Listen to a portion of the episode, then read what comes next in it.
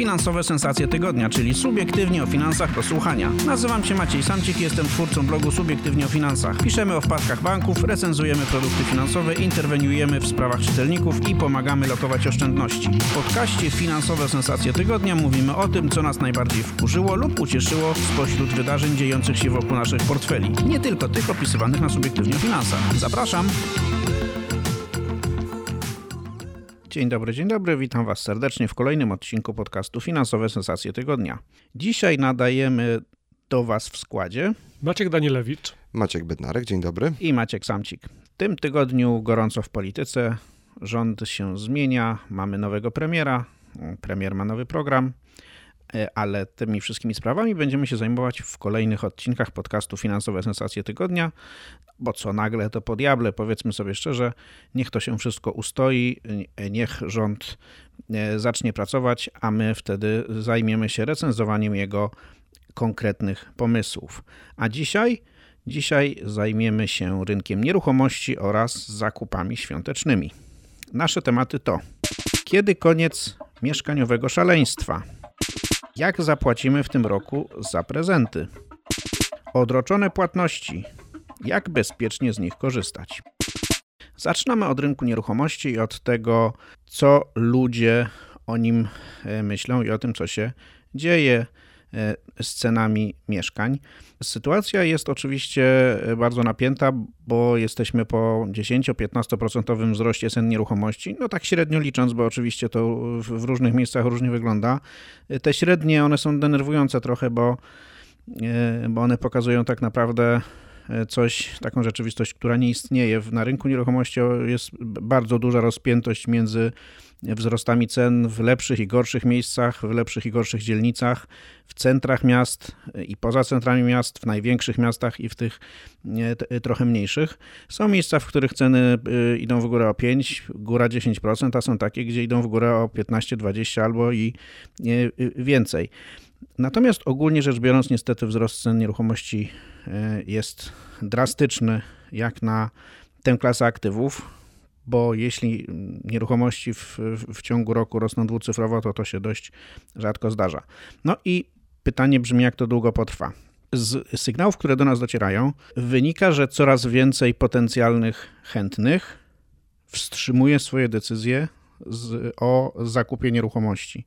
To znaczy, y, mówią tak, ponieważ nieruchomości do wyboru jest mało, najlepsze kąski już są dawno przebrane, oferta deweloperów jest mikra, to, co się oferuje, to są przeważnie dziu- dziury w ziemi, sprzedawane po e, cenach nieakceptowalnie wysokich, to my poczekamy.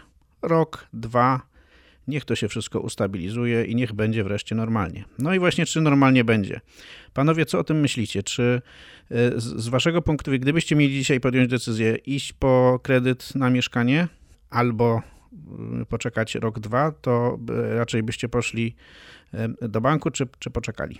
Ja bym zwrócił uwagę na inny czynnik, y, bo z jednej strony kolejki, długie oczekiwanie na kredyt to jest jak gdyby jedna sprawa. Ja myślę, że dużo ludzi też myśli o tym, co będzie z ceną kredytu, tak? Czyli co będzie z, inflacją, co będzie ze stopami procentowymi, czy brać dzisiaj kredyt o stałej stopie, czy jednak ryzykować i no, da, dać się uwieść tej, tej zmienności, wygramy albo nie wygramy. No, ostatnie 2-3 lata pokazały, mm, pokazały tutaj dużo, dużo ciekawych rzeczy. Tak, no y, można powiedzieć, że y, z tego co powiedziałeś Maćku, to warto by poczekać, prawda, bo być może y, mm, niedługo w jakiejś przewidzianej perspektywie roku, dwóch y, inflacja rzeczywiście spadnie do jakichś takich solidnych wartości jednocyfrowych, bo na razie jeszcze będziemy mieli lekki wzrost przez pewnie jakąś część tego przyszłego roku.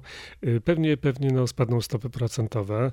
Y, Tutaj, tutaj może kredyty będą korzystnie oprocentowane. No, z tym, że oczywiście nie, jesteśmy w stanie doradzać ludziom, którzy mają konkretne potrzeby mieszkaniowe, tak? No bo jeśli ktoś nie ma gdzie mieszkać i naprawdę ma jakiś taki, powiedzmy, nóż na gardle, no to, to będzie naprawdę się starał, żeby, żeby teraz wziąć kredyt.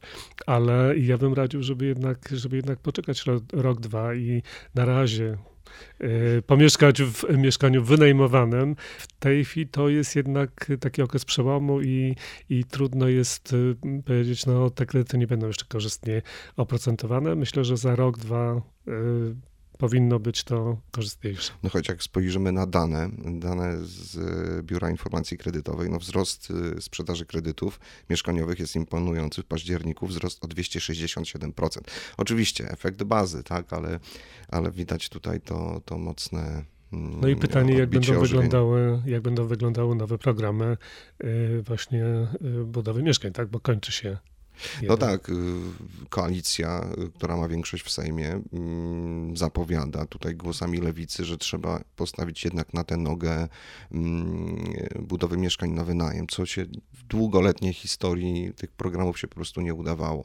Zazwyczaj to było wspieranie dopłaty, czyli Czyli tak, tak naprawdę tak dopłaty do, do, do kredytów, y, inwestycje realizowali deweloperzy na, na zasadach y, komercyjnych. No rynkowych. tak, właśnie pewnym paradoksem jest to, że, że no rząd y, Zjednoczonej Prawicy jakby taką społeczną, z taką społeczną twarzą właściwie realizował bardzo rynkowy, taki no, restrykcyjnie rynkowy program mieszkaniowy, który, który pozwalał na, na właśnie na kasowanie marży przez deweloperów i banki, tak?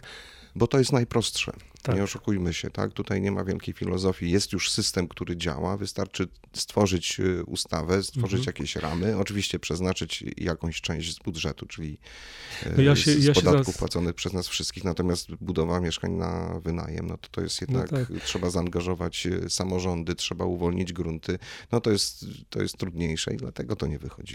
Ja się zastanawiam, czy właśnie w nowym rządzie, w którym będzie na przykład y, lewica reprezentowana, no czy, czy właśnie ten program nie powinien być jakimś priorytetem, prawda? Czyli to hasło takie, które słyszymy od zresztą no, nie od kilku tygodni, miesięcy, tylko od lat, mieszkanie prawem, nie towarem, no to wydaje się, że to jest takie trochę abstrakcyjne, tak?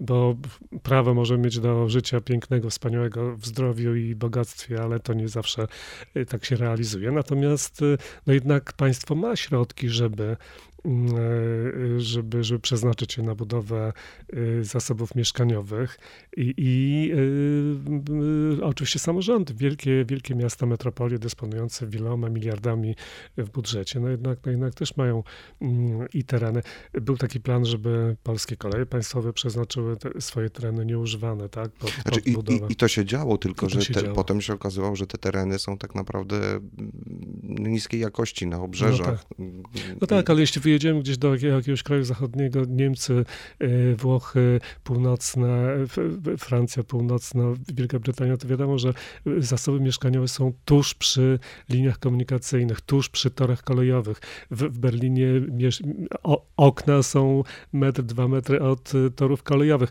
To nie znaczy, że tak mamy budować, tak, że mamy po prostu pogarszać e, substancję, jakość substancji mieszkaniowej, no ale też wiadomo, że liczy się komunikacja, szybki dojazd do miasta, szybki dojazd do pracy y, i y, no, siłą rzeczy no, te, te, tereny kolejowe moim zdaniem są, są niezwykle cenne pod tym względem. One są blisko, łatwo dojechać, łatwo. Zresztą widać wokół Warszawy, w tym wianoszku takich, takich miast średnich wokół Warszawy, widać, że powstają takie osiedla i domków i małych bloków właśnie przy stacjach kolejowych. To jest po prostu niezwykle cenny mm, teren, y, z którego można skorzystać. No tak, tylko schodzimy znowu na filozofię, na to, jakbyśmy widzieli ten system mieszkaniowy, a chcemy odpowiedzieć na pytanie, czy w czy brać sytuacji, teraz? sytuacji tak, osób, które mają ten nóż na gardle, y, co teraz robić? Maciek, y, a ty co myślisz? Maciek no, podsumuje. Ja mam y, takie przemyślenie, że jeśli, znaczy bardzo dużo zależy od tego, jak będzie ten nowy rząd procesował kwestii rozwiązania problemu nieruchomości, wysokich cen nieruchomości. Znaczy od tego uzależniasz, jak gdyby czekać, czy no, nie czekać? Tak? Chciałbym zobaczyć, jakie są priorytety, bo z jednej strony rzeczywiście lewica jest w tym rządzie, a z drugiej strony te najbardziej lewicowe odłamy y, lewicy, no, y, na, razie popierają ten rząd, ale nie są w środku i Adrian Zandberg ostatnio powiedział, że nie, nie udało się y, uzgodnić w łonie koalicji przeznaczania bodaj 1% PKB na budownictwo takie państwowe. No, y, skoro się to nie udało, to niewykluczone, że będzie dalszy ciąg y, tanich kredytów. No, gdyby był dalszy ciąg tanich kredytów, to będzie dalszy ciąg wzrostu cen nieruchomości. To, co dzisiaj mamy, jest wynikiem faktu, że 40 y, tysięcy ludzi poszło do banków po kredyt z dotacją. Średnia dotacja do takiego kredytu, średnia dopłata, no to jest y, nie wiem, 200-300 tysięcy złotych w skali 10 lat. Czyli ludzie, którzy się łapią na ten tańszy kredyt, mają gwarancję, że zaoszczędzą w stosunku do kredytu komercyjnego 200-300 tysięcy złotych. Oni znacznie łatwiej akceptują wzrost cen, bo nawet jeśli zapłacą 500 złotych więcej za metr albo 1000 złotych więcej za metr, no to powiedzmy, że to jest część, po prostu oddadzą część dopłaty. Im jest dużo łatwiej zaakceptować to, że ceny rosną. Ja zrobiłem takie wyliczenie, e, z którego no, starałem się oszacować, czy ten bezpieczny kredyt 2% to on się w ogóle e, opłaca. Czy przypadkiem koszt, e, skutek uboczny w postaci wzrostu cen nieruchomości nie jest większy niż, niż ten uzysk w postaci tego, że tam ludzie do, do, dostają mieszkania, czy dostają możliwość zakupu mieszkania, ściślej mówiąc, na kredyt.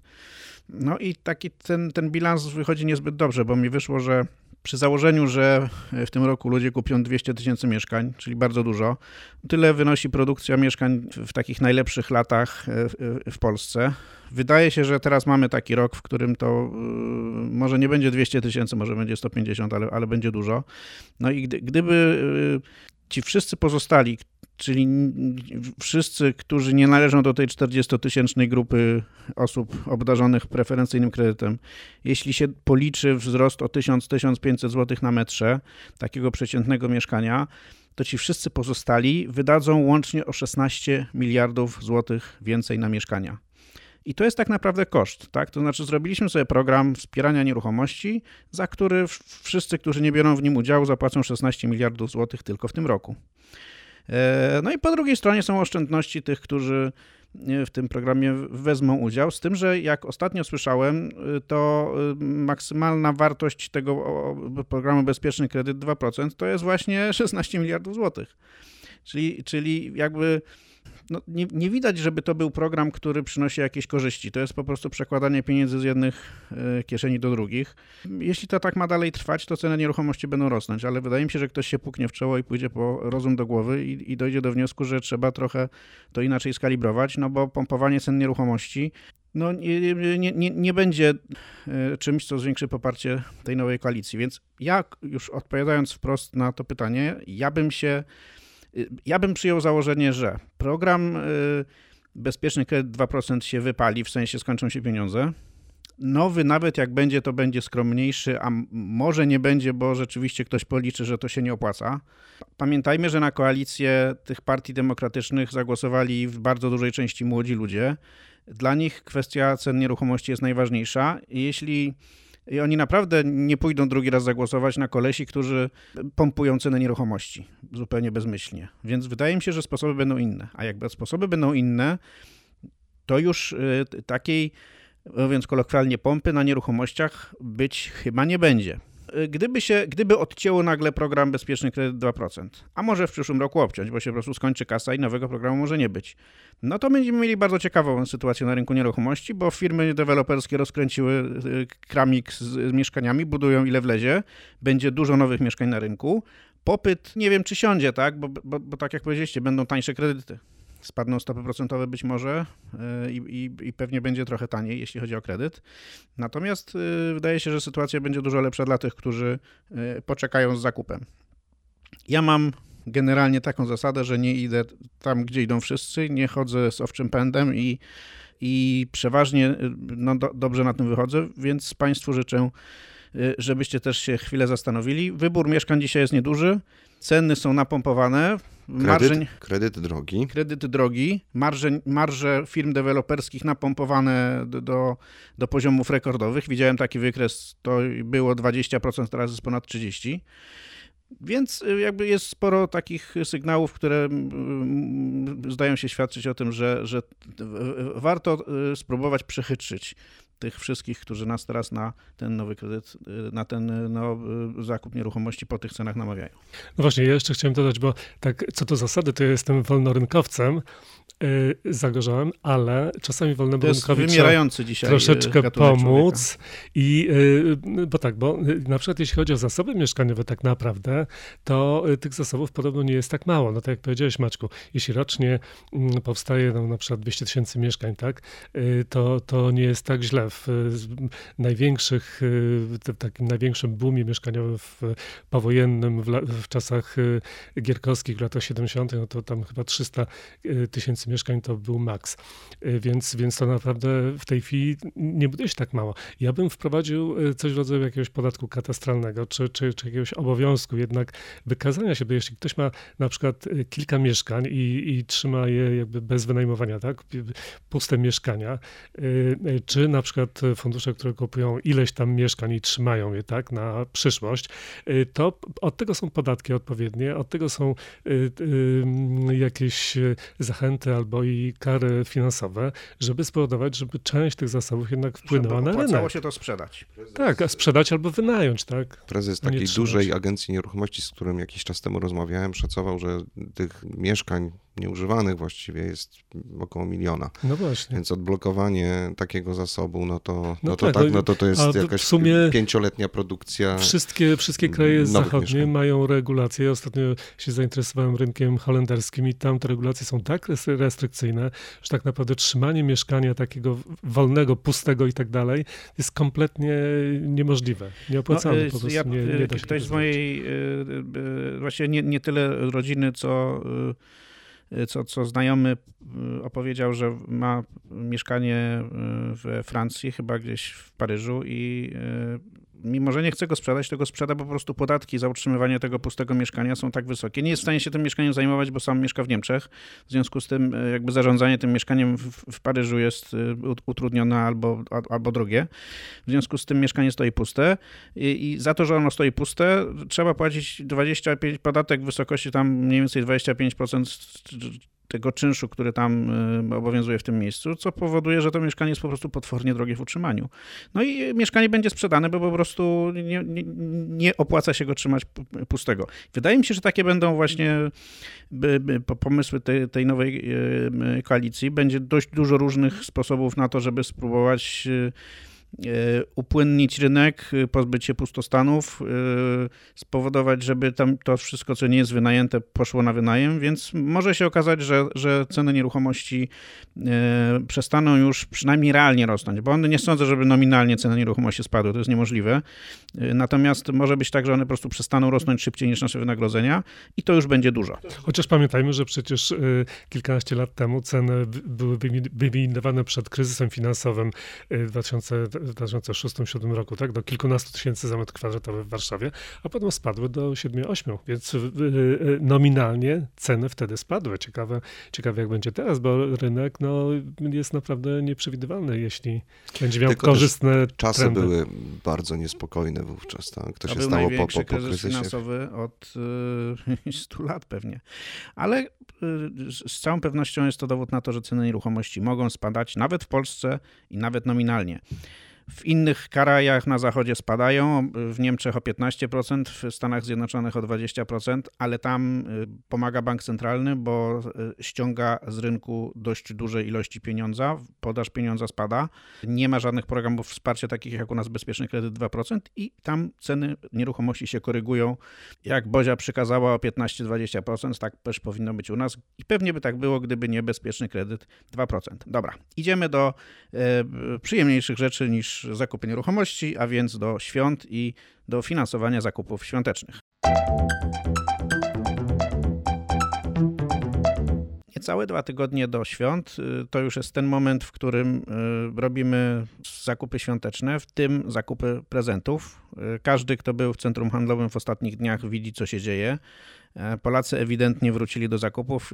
To się potwierdza się organoleptycznie można e, potwierdzić to, co piszemy w subiektywnie o finansach i co mówimy w różnych mediach, e, komentując rzeczywistość i komentując badania, że mm, Polacy w tym roku naprawdę nie zamierzają oszczędzać na świętach. Wydaje nam się, że nasze wynagrodzenia pójdą w górę, że sytuacja w gospodarce będzie dobra, że nie grozi nam e, brak e, pracy i e, jesteśmy dużo bardziej optymistycznie nastawieni niż konsumenci na Zachodzie.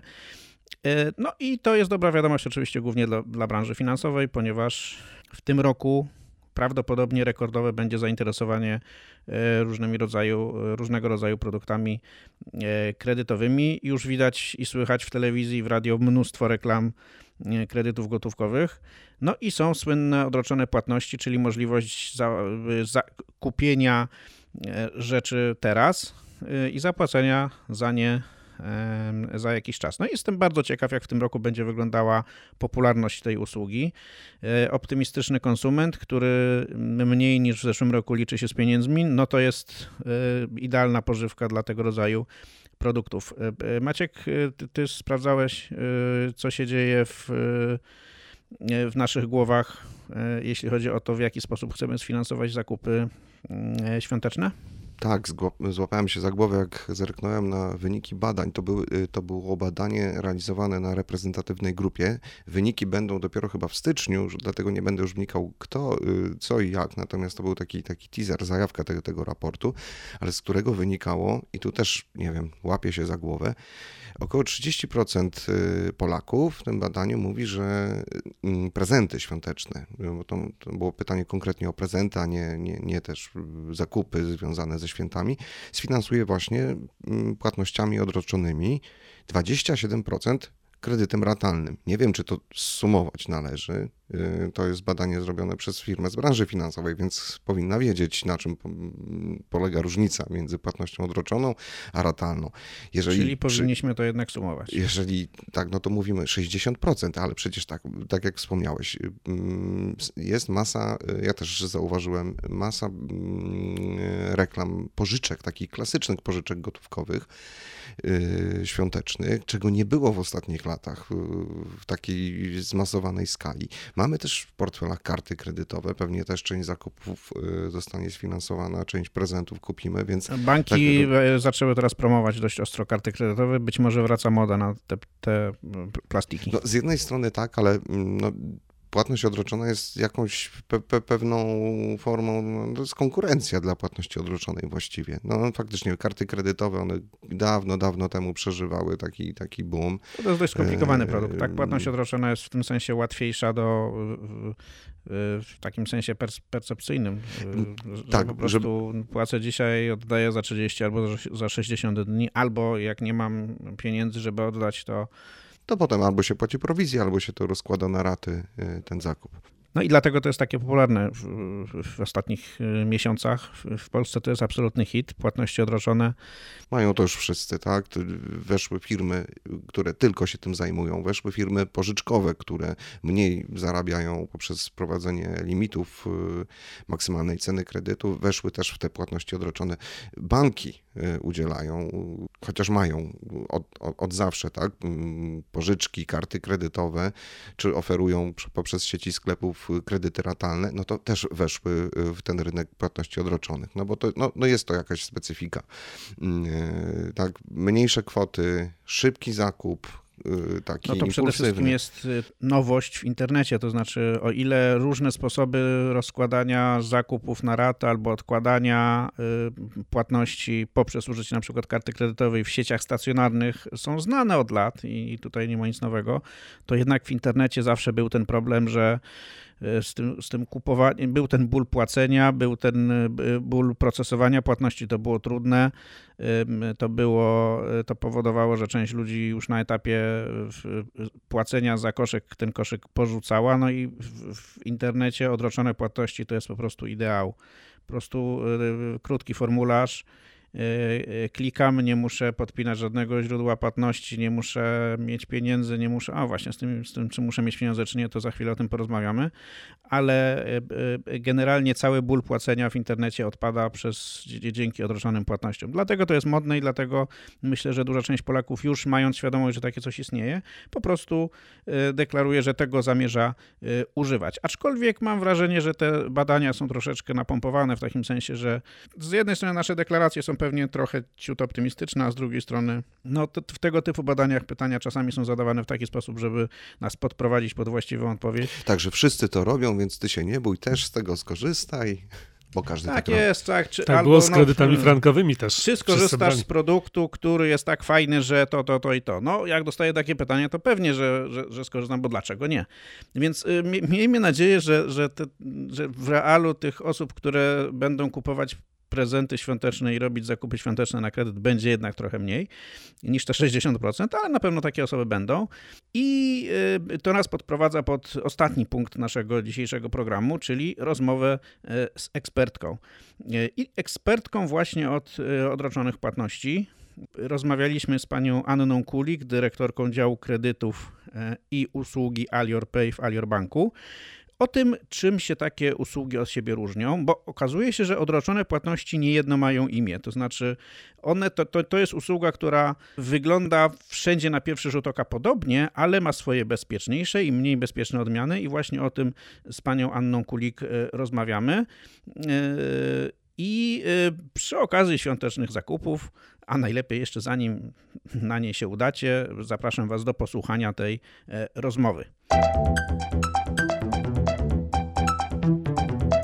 Dzisiaj będziemy rozmawiać o wygodnych płatnościach. Temat, e, myślę, bardzo em, ciekawy z punktu e, widzenia momentu, w którym się znajdujemy, czyli e, właściwie na samym początku wysokiego sezonu zakupowego. Myślę, że o tym, jak płacić, jak płacić wygodnie i skąd wziąć na to pieniądze, wiele osób będzie się e, zastanawiać, podobnie jak nad tym, e, jak zarządzać swoim domowym cash flow w tym wymagającym dla naszych portfeli nie, okresie. E, A moim gościem i e, w pewnym sensie przewodnikiem po tym świecie będzie pani Anna Kulik, e, e, dyrektor działu kredytów i usługi Alior Pay w Alior Banku. Dzień dobry pani Anno. Dzień dobry, witam wszystkich serdecznie.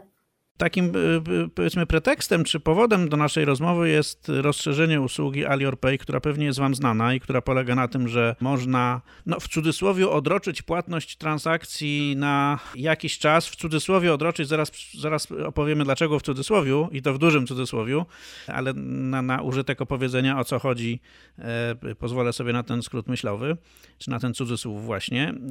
E, usługa polega na tym, że można e, o, o, odłożyć wydatek na, na czas jakiś i jest to usługa dość podobna do tych, które oferuje kilka fintechów e, w, w Polsce. No, generalnie usługi polegające na odraczaniu płatności, zwłaszcza w internecie, bo one no, w dużej części działają e, na rynku e-commerce czyli zakupów internetowych. To są rzeczy, które stają się dość popularne i jak wynika z, z, z różnych badań renomowanych instytucji e, analitycznych, konsumenci dość często już uzależniają swoje zakupy od możliwości odroczenia e, płatności.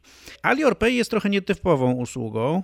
Działa troszeczkę inaczej niż taki typowy BNPL, czyli e, Buy Now, Pay Later czyli to takie odroczenie płatności. I zaraz zapytam panią Annę, na, na czym polegają te różnice, ale zanim do tego przejdziemy, chciałbym, żeby pani, pani Anno nam opowiedziała, kto tak naprawdę korzysta z, z, z tej usługi w, w waszym banku? To znaczy, czy Alior Pay jest usługą dla ludzi młodych, czy dla ludzi starszych, czy dla tych, którzy robią większe zakupy, czy dla tych, którzy kupują bardzo rzadko, czy no, jaka jest charakterystyka klienta? Czy to mo, można już coś takiego powiedzieć, czy, czy jeszcze jest ta usługa za młoda, żeby, żeby wystawić jej taką charakterystykę? My się przyglądamy od grudnia, e, kto z, z, z usługi korzysta.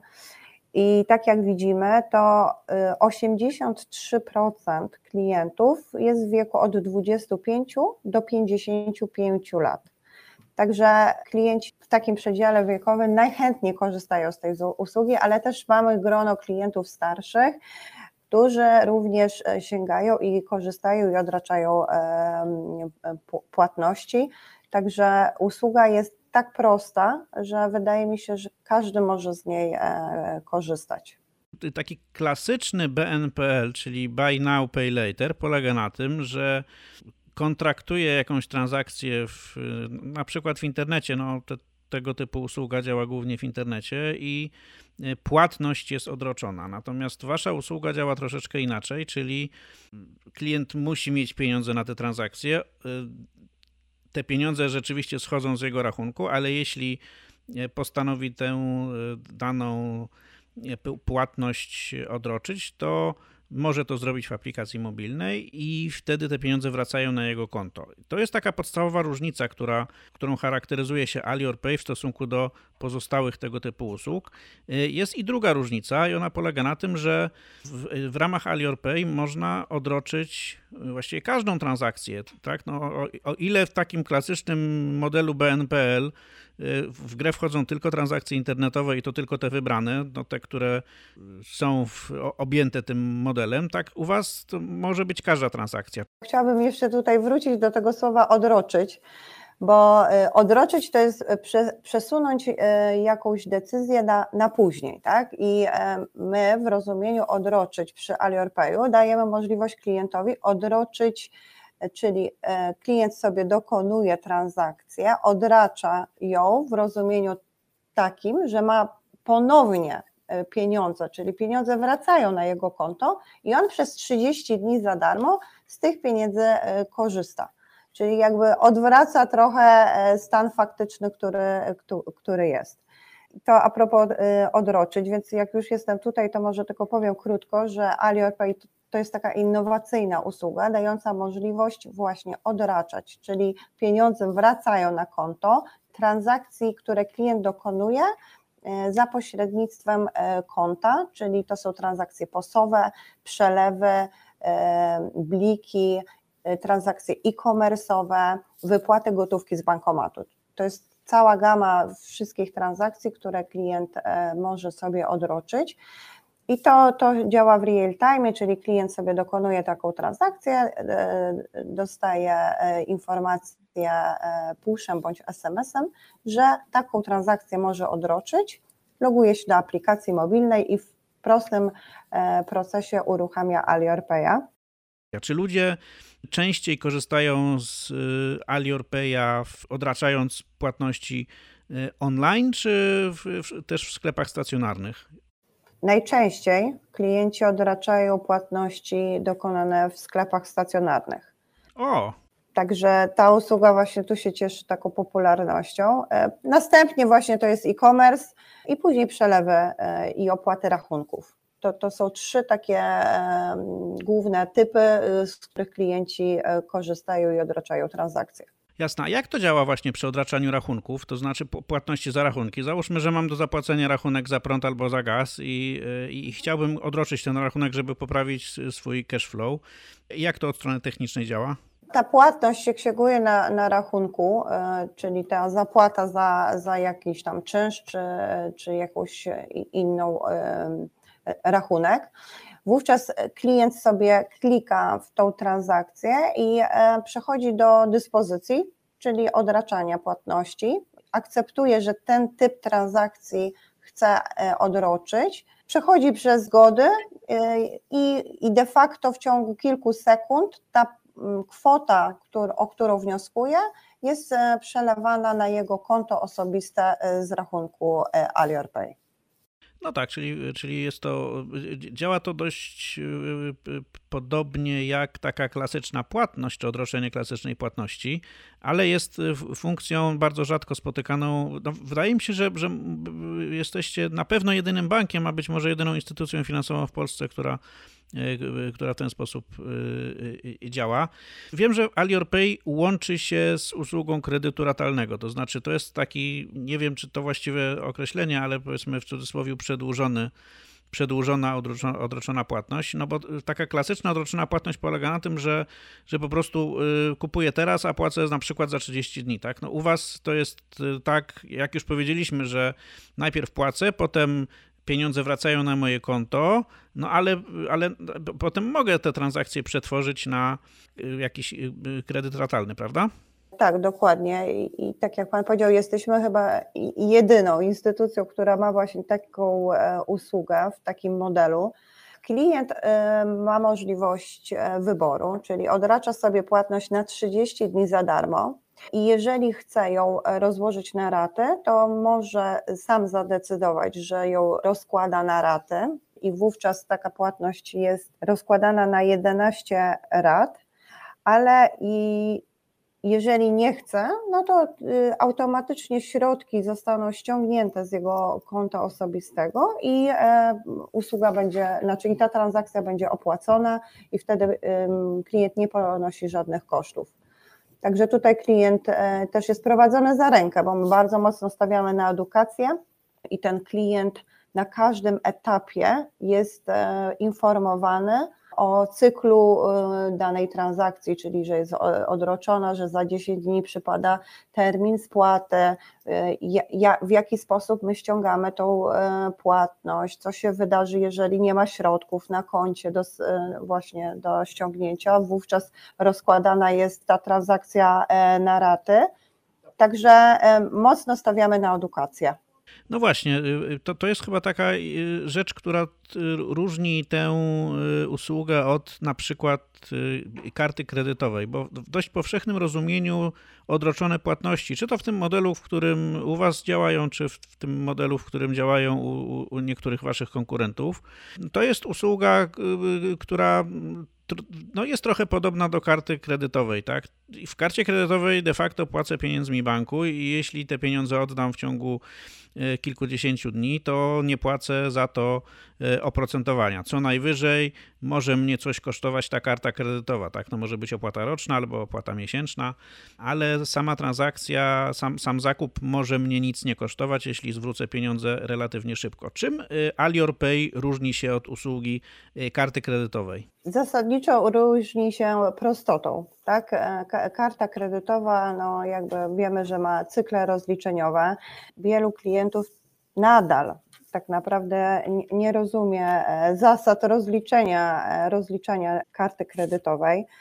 Także Pierwsze to e, całą funkcjonalnością i filozofią, tak? No bo też karta kredytowa jest wykorzystywana jako instrument płatniczy i, i, i klient sobie dokonuje te transakcje. No tutaj jest to trochę inna filozofia, bo my oddajemy pieniądze za codzienne zakupy klienta. E, więc to jest trochę inaczej. No oczywiście cała forma opłat, tak, no też e, my mamy proste zasady, 30 dni za darmo lub rozłożenie na 11 rat. Tak jak Pan powiedział, karta kredytowa ma w sobie e, szereg innych opłat zaszytych.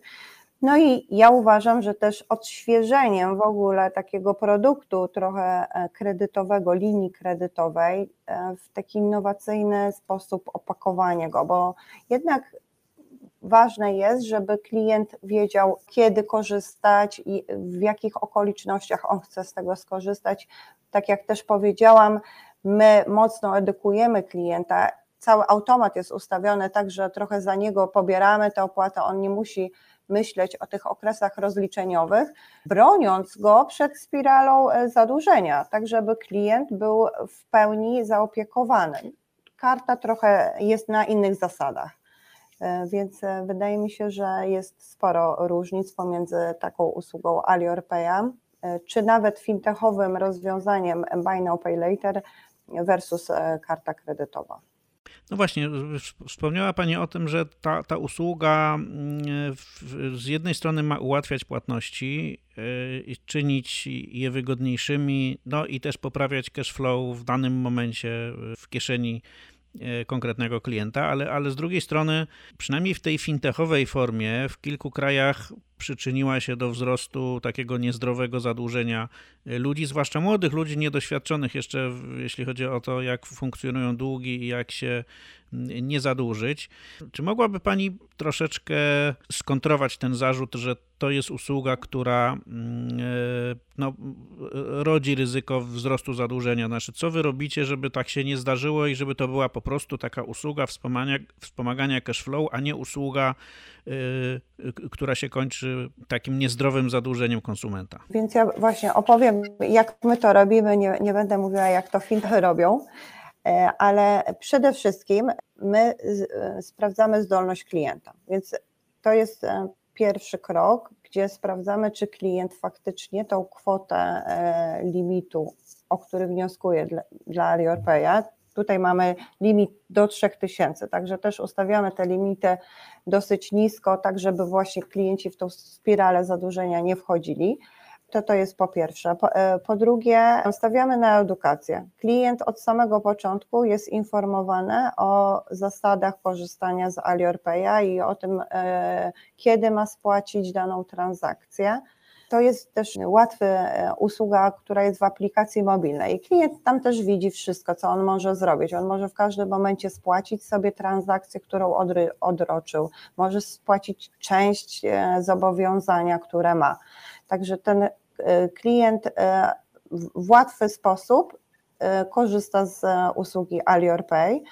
Te 30 dni za darmo też jest dodatkowym takim atutem, gdzie, gdzie klienci korzystają i to, że z, w, z automatu pobieramy później spłatę za, za usługę AliorPay.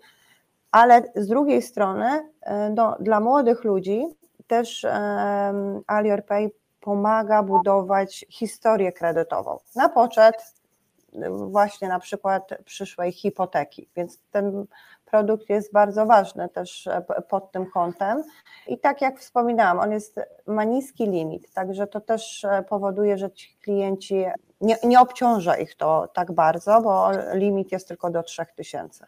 No tak, ta, ta możliwość budowania historii kredytowej to jest pewna nowość, bo rzeczywiście kiedyś to dawaliśmy w subiektywnie o finansach młodym ludziom taką e, radę, to kup sobie czajnik na, na raty i w ten sposób będziesz mieć jakiś produkt kredytowy na koncie i dzięki temu jakaś historia w biku się zbuduje i, i później jak pójdziesz po poważny kredyt hipoteczny, to e, będziesz mieć, e, no, będziesz lepiej oceniony w banku. Natomiast to wasza usługa no, ułatwia sytuację, bo po prostu przy codziennych zakupach można tę y, historię kredytową sobie budować na poziomie y, odraczania płatności i, niewielkich kredytów ratalnych. No ale nie da się ukryć, że ta usługa w tej formie fintechowej, ja wiem, że pani nie będzie się chciała do tego odnosić, bo nie, nie, nie, chcielibyśmy pewnie rozmawiać o konkurentach bez ich obecności, natomiast e, ona w tej, w tej formie fintechowej w, w kilku krajach przyniosła negatywne konsekwencje ze względu na to, że poszczególne firmy nie wiedziały, jaki jest poziom zadłużenia klientów, którzy e, u nich o, o te odroczone płatności występowali i w zasadzie no, w ten sposób pojawiał się niekontrolowany dług, taki, którego nikt w systemie tak naprawdę nie, w sposób zagregowany nie widział. No i y, na, na tej kanwie pojawia się zagadnienie nadzoru y, nad y, tego rodzaju usługą, czy regulacji, którymi być może należy ją od, objąć. Jakie jest pani, jaka jest Pani opinia na ten temat? To znaczy, czy, czy usługa odroczonej płatności, tak szeroko pojęta, ona powinna być jakoś lepiej nadzorowana, inaczej regulowana, czy są potrzebne regulacje na tym rynku? Tak jak właśnie Pan powiedział, e, były problemy, bo klienci wchodzili w spiralę zadłużenia. No i według mnie no jest nieuniknione to, żeby regulacje muszą się pojawić. No i wiemy, że się już pojawią, e, bo od przyszłego roku e, Buy Now Pay Later, metody odroczone będą podlegały regulacjom ustawy o kredycie konsumenckim i to nie tylko banki, tylko fintechy również, więc z tego się bardzo cieszę. Będziemy mogli być jakby na jednym poziomie, no i ten klient będzie zaopiekowany i bezpieczny, bo tak naprawdę tu chodzi o klienta i o to, żeby ten klient czuł się bezpieczny, nie wchodził w spiralę zadłużenia, a jednocześnie e, miał e, taką poduszkę finansową, e, bezpieczeństwo, że zawsze ma jakieś środki dodatkowe mm, w tych trudnych sytuacjach i wysokiej inflacji. Także jak najbardziej. Uważam, że to, że teraz te regulacje wejdą, jest bardzo dobre, przynajmniej w Polsce i powinno być to na całym świecie. A co oznacza z takiego praktycznego punktu widzenia objęcie e, usług odroczonych płatności BNPL ustawą o e, kredycie konsumenckim, to, czy, czy to oznacza, że każda tego typu usługa e, będzie musiała być raportowana do Biura Informacji Kredytowej i, i generalnie będzie widoczna dla wszystkich uczestników rynku, czy, czy tam będą też jakieś inne rzeczy? Będzie raportowana, więc to jest jeden aspekt. Każdy klient będzie musiał przejść przez badanie zdolności kredytowej już nie będzie, tak jak obecnie fintechy mają bardzo krótki proces, no on będzie już e, bardziej rozbudowany o dodatkowe informacje, które klient będzie musiał e, podać, no po to, żeby tą zdolność kredytową klientowi wyliczyć i sprawdzić, czy nie jest nigdzie zadłużona czyli nie będzie już tak bardzo łatwo i tak bardzo szybko, ale za to bezpiecznie i to głównie e, bezpiecznie dla klienta, no bo i zarówno instytucja finansowa będzie go mogła pilnować, żeby się nie przekredytował, nie przekredytował jak i on sam. Dokładnie tak. I to właśnie też e, przede wszystkim dla ludzi młodych, tak, żeby oni e, właśnie czuli się bezpiecznie i nie, nie wchodzili niepotrzebnie w tak zwane e, kredyty, gdzie nie mają z czego tego spłacić, tak, no to, bo to, to jest bardzo ważne, bo taki młody człowiek po prostu nieświadomy może bardzo łatwo się naciąć. W banku po to jest zbudowany Alior Pay w systemie takim automatycznym i bezpiecznym dla klienta, żeby młodzi klienci uczyli się właśnie zarządzania swoimi środkami na co dzień. Ja tutaj dodam, że właśnie jedną z opinii takiego młodego człowieka było, że y, Alior Pay to magia, y, że, że po prostu nie, nie, był świadomy, że może tak łatwo y, uzyskać pieniądze za zakupy, on wtedy buty kupował i, i bardzo mu się ta usługa spodobała, że też ona jest na klik, e, więc jakby bardzo szybko, a też młodzi, młodzi klienci sobie cenią szybkość w procesie, no i to, że wszystko jest w aplikacji mobilnej, z czego e, wiemy, że korzystają. No, wygląda na to, że AliorPay będzie pociechą i, i radością właśnie przede wszystkim dla młodych klientów, którzy E, dla których to może być e, nowość e, i, i, bardzo popularna usługa. A jakie, jest Pani szefem działu kredytów i AliorPay w, w Alior Banku, więc pewnie coś nam Pani może zdradzić o E, planach rozwoju AliorPaya, to znaczy w jakim kierunku chcielibyście rozwijać tę usługę, co zrobić, żeby była bardziej popularna i żeby no, stała się waszą przewagą konkurencyjną na rynku bankowym i szerzej patrząc finansowym. Nasz rozwój e, pewnie nikogo nie zaskoczy. Do, będziemy e, wchodzić mocno w e-commerce e, i również AliorPay będzie mm, takim buy now, pay later E, więc e-commerce jak najbardziej, ale również chcemy rozbudować i to już niedługo naszą usługę o takie doładuj konto, czyli klient będzie mógł sobie z, bez dokonania transakcji e, zasilić konto, jeżeli będzie miał taką e, potrzebę, z, ze środków AliOrPaya w każdym momencie nawet jeżeli nie zrobił transakcji. Także to też będzie coś nowego e, e, i, i będziemy to niebawem e, wdrażać dla naszych klientów. Brzmi ciekawie, życzę powodzenia i trzymam kciuki za, za to, żeby ten BNPL w cywilizowanej formie takiej, która jest bardzo e, bezpieczna i, i, i, nie grozi klientowi przekredytowaniem, żeby ten BNPL się w Polsce e, rozwijał, no i, i żebyście mieli w tym swój bardzo zacny udział. Bardzo dziękuję Pani Anno za dzisiejsze spotkanie. Dziękuję bardzo. Naszym gościem była Pani Anna Kulik, dyrektor działu kredytów i Alior Pay w Alior Banku. Mam nadzieję, że odroczone płatności nie mają już przed Wami tajemnic. Życzę y, udanych zakupów świątecznych. Pamiętajcie, żeby nie przesadzać y, z, z wydawaniem pieniędzy, bo. Zwłaszcza nie swoich. Zwłaszcza nie swoich pieniędzy. Pamiętajcie o tym, że najlepsze e, promocje, najlepsze wyprzedaże będą w styczniu i warto sobie jeszcze zbunkrować trochę grosza i trochę zdolności kredytowych na te E, najbardziej opłacalne e, promocje, wyprzedaże e, wczesnowiosenne. Dzisiaj to już wszystko w finansowych sensacjach tygodnia. Żegnają Was czule i namiętnie Maciek Danielewicz, Maciek Bednarek i Maciek Samcik. Do usłyszenia za tydzień. Inne odcinki tego podcastu znajdziesz na stronie Subiektywnie o Finansach www.subiektywnieofinansach.pl. Zapraszam!